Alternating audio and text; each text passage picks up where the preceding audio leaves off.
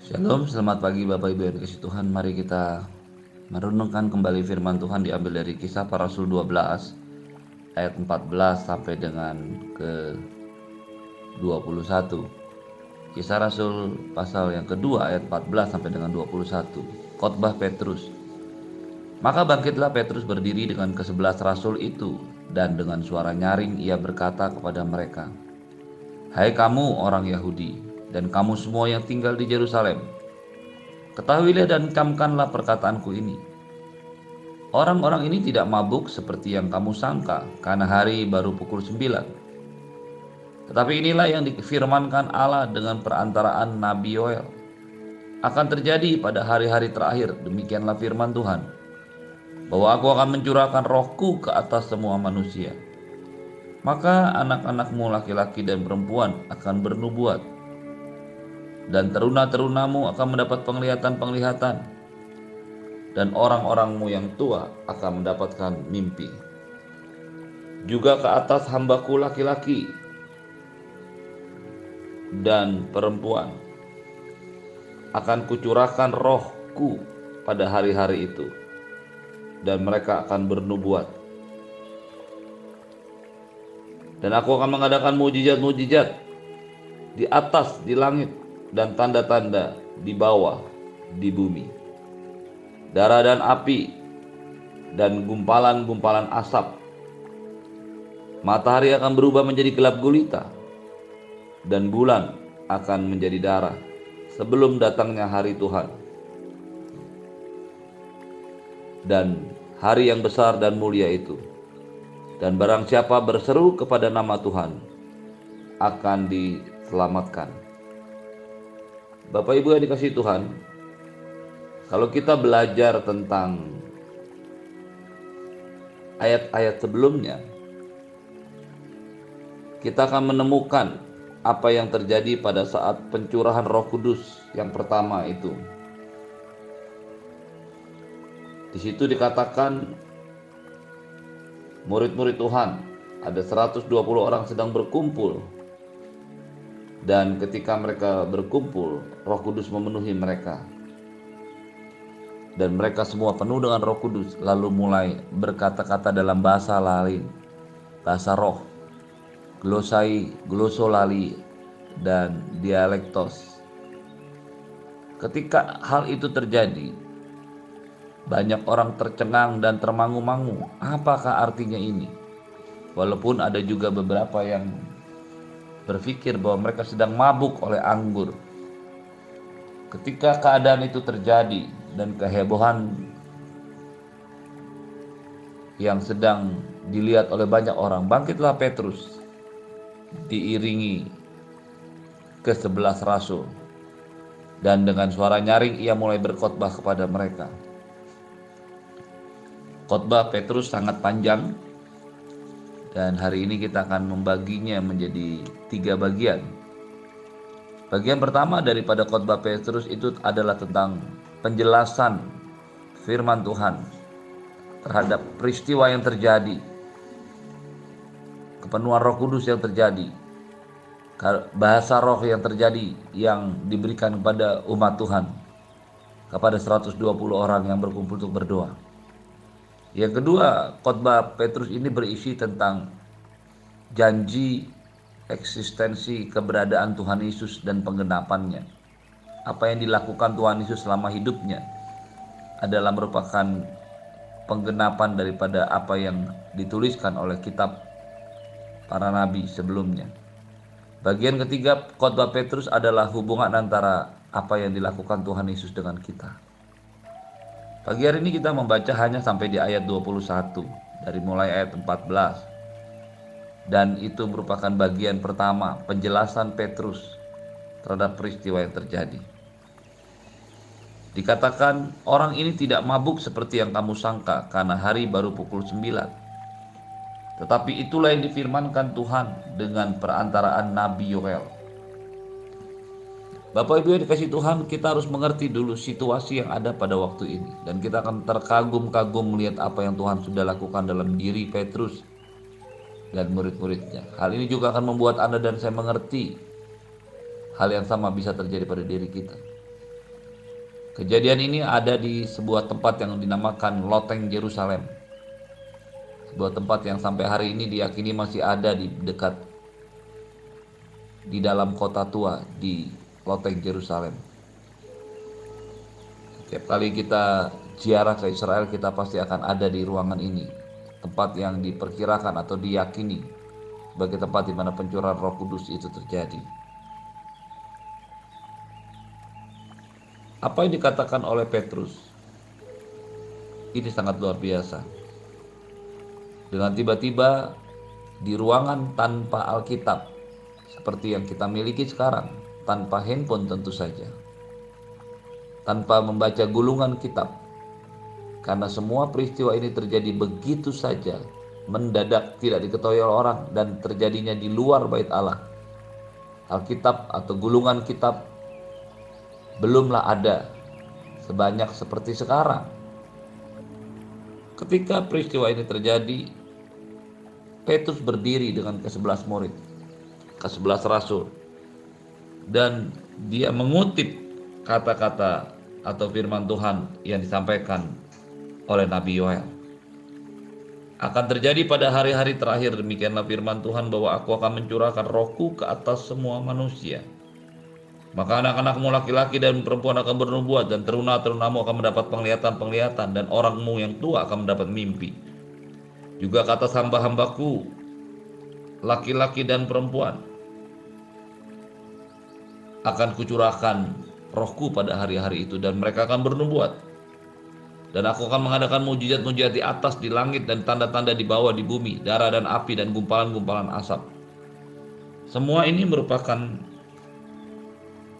bagian yang tertulis dari kitab Nabi Yoel ayat pasal 28 pasal 2 ayat 28 sampai 32. Bapak Ibu yang dikasih Tuhan, ketika Roh Kudus memenuhi murid-murid, memang tanda pertama itu adalah mereka berbahasa roh. Glosa glosolali maupun dialektos. Tetapi tanda yang kedua atau akibat kedua yang dipenuh pada saat mereka dipenuhi Roh Kudus. Seperti yang difirmankan Tuhan, seperti yang dijanjikan Tuhan Yesus. Roh Kudus yang akan memimpin kamu ke dalam seluruh kebenaran dan akan mengajarkan segala sesuatu yang telah kuprint, yang telah kukatakan kepadamu. Pada saat Roh Kudus memenuhi rasul-rasul, mereka bukan hanya berbahasa roh, tapi mereka juga akan teringat oleh firman Tuhan apa yang dituliskan oleh kitab para nabi sebelumnya. Bapak Ibu yang kasih Tuhan, bukankah ini sebuah peristiwa yang sangat luar biasa?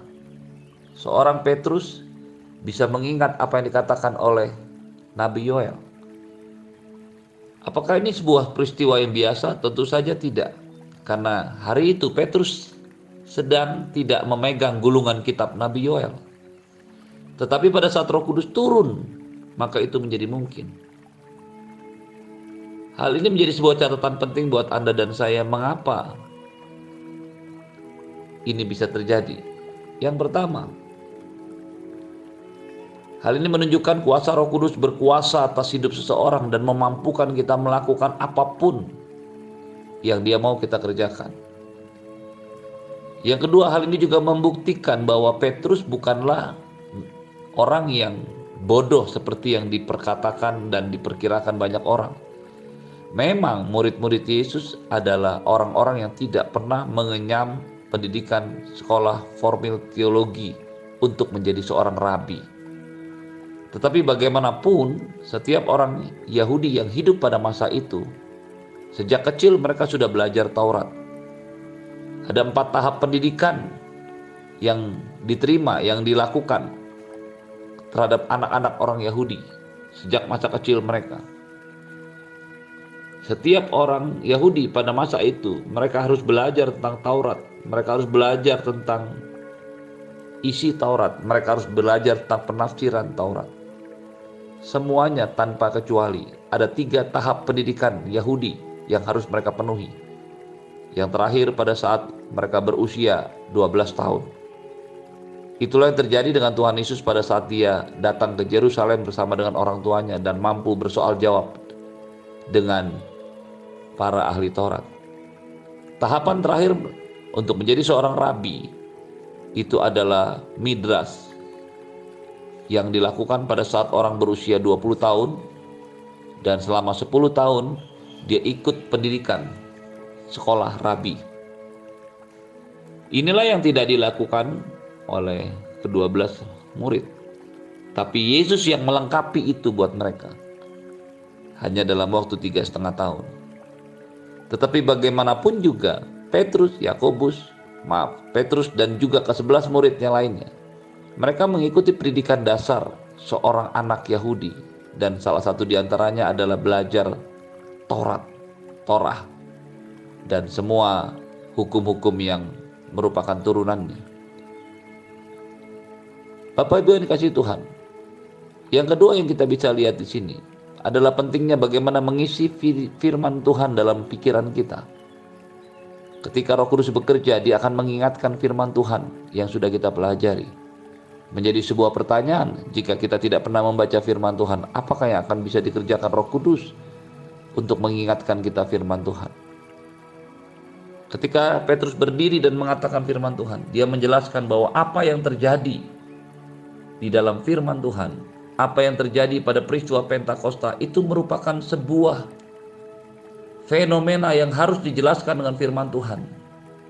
Dia mengatakan mereka tidak mabuk karena beberapa orang berpikir murid-murid sedang mabuk. Tapi apa yang terjadi pada mereka itu adalah sesuai dengan firman Tuhan. Perhatikan baik-baik Bapak Ibu yang dikasih Tuhan. Tidak boleh ada satu fenomena pun yang terjadi pada masa ini yang tidak bisa dijelaskan dengan firman Tuhan. Firman Tuhan adalah otoritas tertinggi dalam hidup kita. Firman Tuhan adalah prioritas tertinggi, otoritas tertinggi dalam kehidupan kekristenan. Dan firman Tuhan harus dijelaskan dan ditafsirkan menurut firman Tuhan itu sendiri. Nubuatan Nabi Yoel ratusan tahun, ada yang mengatakan 800 tahun, ada yang mengatakan 900 tahun karena tidak ada sumber yang pasti menentukan kapan persisnya. Ada yang mengatakan 500 tahun. Tetapi semuanya membuktikan bahwa apa yang terjadi itu merupakan satu kerangka, frame-nya rencana Tuhan. Pencurahan Roh Kudus secara tak ajaib, secara luar biasa bukanlah peristiwa yang berdiri sendiri tanpa hubungan. Semuanya sudah dijelaskan dalam firman Tuhan di dalam perjanjian lama, baik secara tipologi maupun secara terang-terangan yang dilakukan oleh Tuhan melalui nubuatan Nabi Yoel. Pencurahan Roh Kudus, tanda ajaib itu memang direncanakan Tuhan. Itu ada dalam satu frame rencana Tuhan. Tuhan bertindak, bergerak dengan sebuah pola ilahi yang sama dia menyatakan, dia mengatakan, dan dia melakukan seperti yang difirmankan oleh para nabi, yang disampaikan oleh para nabi, yang memang juga diberikan hikmat, diberikan pengertian, diberikan marifat oleh Tuhan untuk mengatakannya. Jadi, sekali lagi, ini bukan peristiwa dadakan atau peristiwa kecelakaan atau insiden, tetapi ini merupakan sebuah pola ilahi. Hal ini menjadi sangat luar biasa karena apa yang dikatakan Nabi Yoel ratusan tahun, bisa 800, bisa 900, bisa 500 tahun. Itu merupakan janji Tuhan yang selalu berlaku, berlaku dan berlangsung. Tidak dibatasi oleh waktu. Semua yang Tuhan janjikan akan terjadi cepat atau lambat dalam hidup kita, dalam hidup setiap orang percaya. Perhatikan apa yang dijanjikan Tuhan akan terjadi bahwa orang tua, anak-anak, teruna, semua akan mendapatkan mimpi, penglihatan, nubuatan. Bapak Ibu sekalian dikasih Tuhan, ini bukan merupakan kata-kata yang bisa ditafsirkan dengan sulit karena apa yang dikatakan oleh Nabi Yoel itu merupakan sebuah kata yang sangat mudah.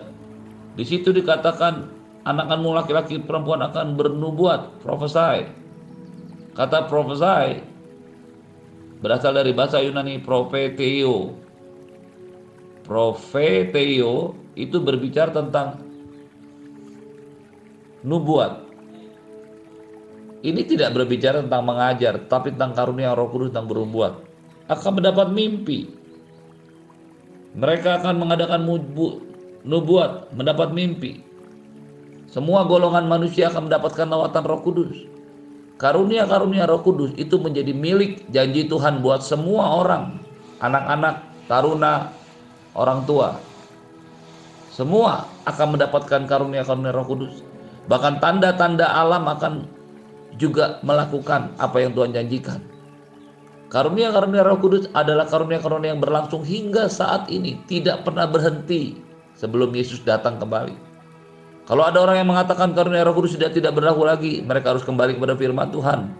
Mengapa ada firman Tuhan yang berhenti, tidak terjadi dan mengapa yang terlangsung terus? Tentu saja semuanya memerlukan waktu penggenapannya. Dan di akhirnya semua karunia Roh Kudus akan membawa setiap orang berseru kepada nama Tuhan dan diselamatkan. Rencana besar Allah adalah menyelamatkan dunia ini. Dan untuk itu perlu kegenapan janji Tuhan dan karunia-karunia Roh Kudus dicurahkan pada kita. Belajarlah untuk terus menerima karunia Roh Kudus, mengalami karunia Roh Kudus dalam hidupmu. Di dalam nama Tuhan Yesus, semua yang percaya katakan, amin. Shalom, selamat pagi, Tuhan Yesus memberkati.